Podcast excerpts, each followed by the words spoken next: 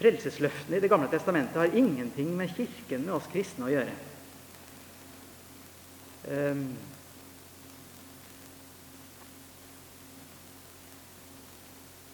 vi har i grunnen veldig lite med Det gamle testamentet å gjøre i det hele tatt, vi som hedningekristne.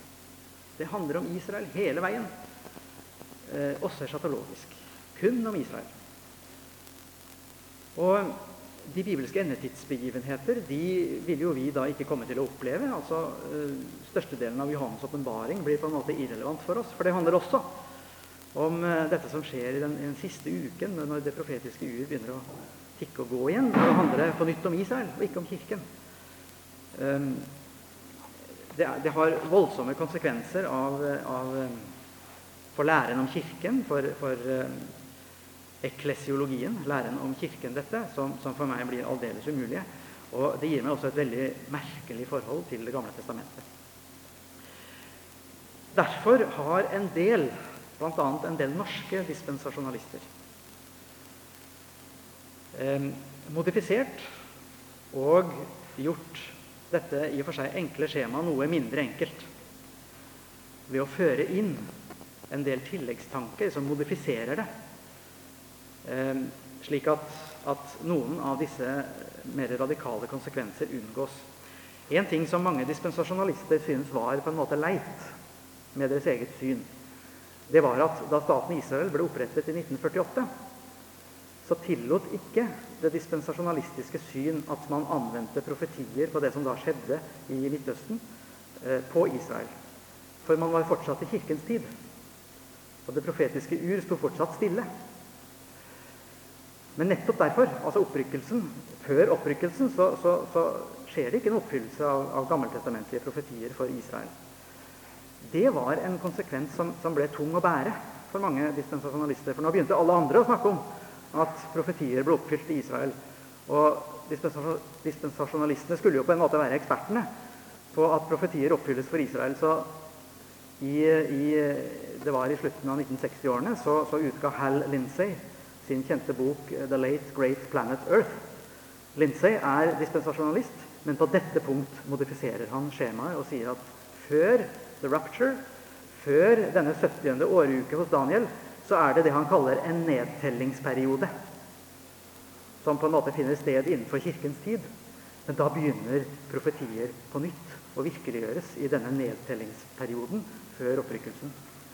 Så der skjer det en, en, en modifikasjon av det dispensasjonalistiske skjemaet. Og det ble til en viss grad en konflikt eller en splittelse innenfor den dispensasjonalistiske leir. Mange mente at, at Lindsay her på en måte sviktet. Eh, ble avviker i forhold til, til dispensasjonalistisk ortodoksi. Eh, mens andre fulgte an. Han eh, fornyet også en form for endetidsberegning, for han sier at um, denne nedtellingsperioden, som altså begynner i 1948, den, den initieres av staten Israels opprettelse, den vil ikke vare mer enn en generasjon, sier han. Og en generasjon bibelsk talt er omkring 40 år. Så han var da ganske frimodig eh, i å forutsi at eh, opprykkelsen vil finne sted innen rammen av en generasjon fra Israels opprettelse i 1948. Det var den historiske presentasjonen av um, disse endetidsskjemaene. Jeg tror vi har fått med oss uh, det vesentlige um, av det som har vært virksomt av den type teologi. Og jeg er åpen for spørsmål.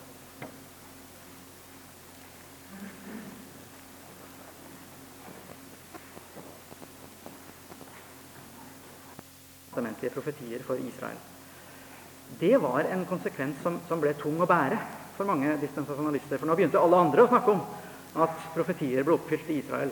Og dispensasjonalistene skulle jo på en måte være ekspertene på at profetier oppfylles for Israel. Så i, i, det var i slutten av 1960-årene så, så utga Hal Lindsay sin kjente bok 'The Late Great Planet Earth'. Lindsay er dispensasjonalist. Men på dette punkt modifiserer han skjemaet og sier at før the rapture, før denne 70. åruke hos Daniel, så er det det han kaller en nedtellingsperiode. Som på en måte finner sted innenfor kirkens tid. Men da begynner profetier på nytt å virkeliggjøres i denne nedtellingsperioden før opprykkelsen. Så der skjer det en, en, en modifikasjon av det dispensasjonalistiske skjemaet. Og det ble til en viss grad en konflikt eller en splittelse innenfor den dispensasjonalistiske leir. Mange mente at, at Lindsay her på en måte sviktet. Eh, ble avviker i forhold til, til dispensasjonalistisk ortodoksi. Eh, mens andre fulgte han. Han eh, fornyet også en form for endetidsberegning, for han sier at denne nedtellingsperioden, som altså begynner i 1948, den, den initieres av staten Israels opprettelse, den vil ikke vare mer enn en generasjon, sier han. Og en generasjon bibelsk talt er omkring 40 år. Så han var da ganske frimodig eh, i å forutsi at eh, opprykkelsen vil finne sted innen rammen av en generasjon fra Israels opprettelse i 1948. Det var den historiske presentasjonen av um, disse endetidsskjemaene. Jeg tror vi har fått med oss uh, det vesentlige um, av det som har vært virksomt av den type teologi. Og jeg er åpen for spørsmål.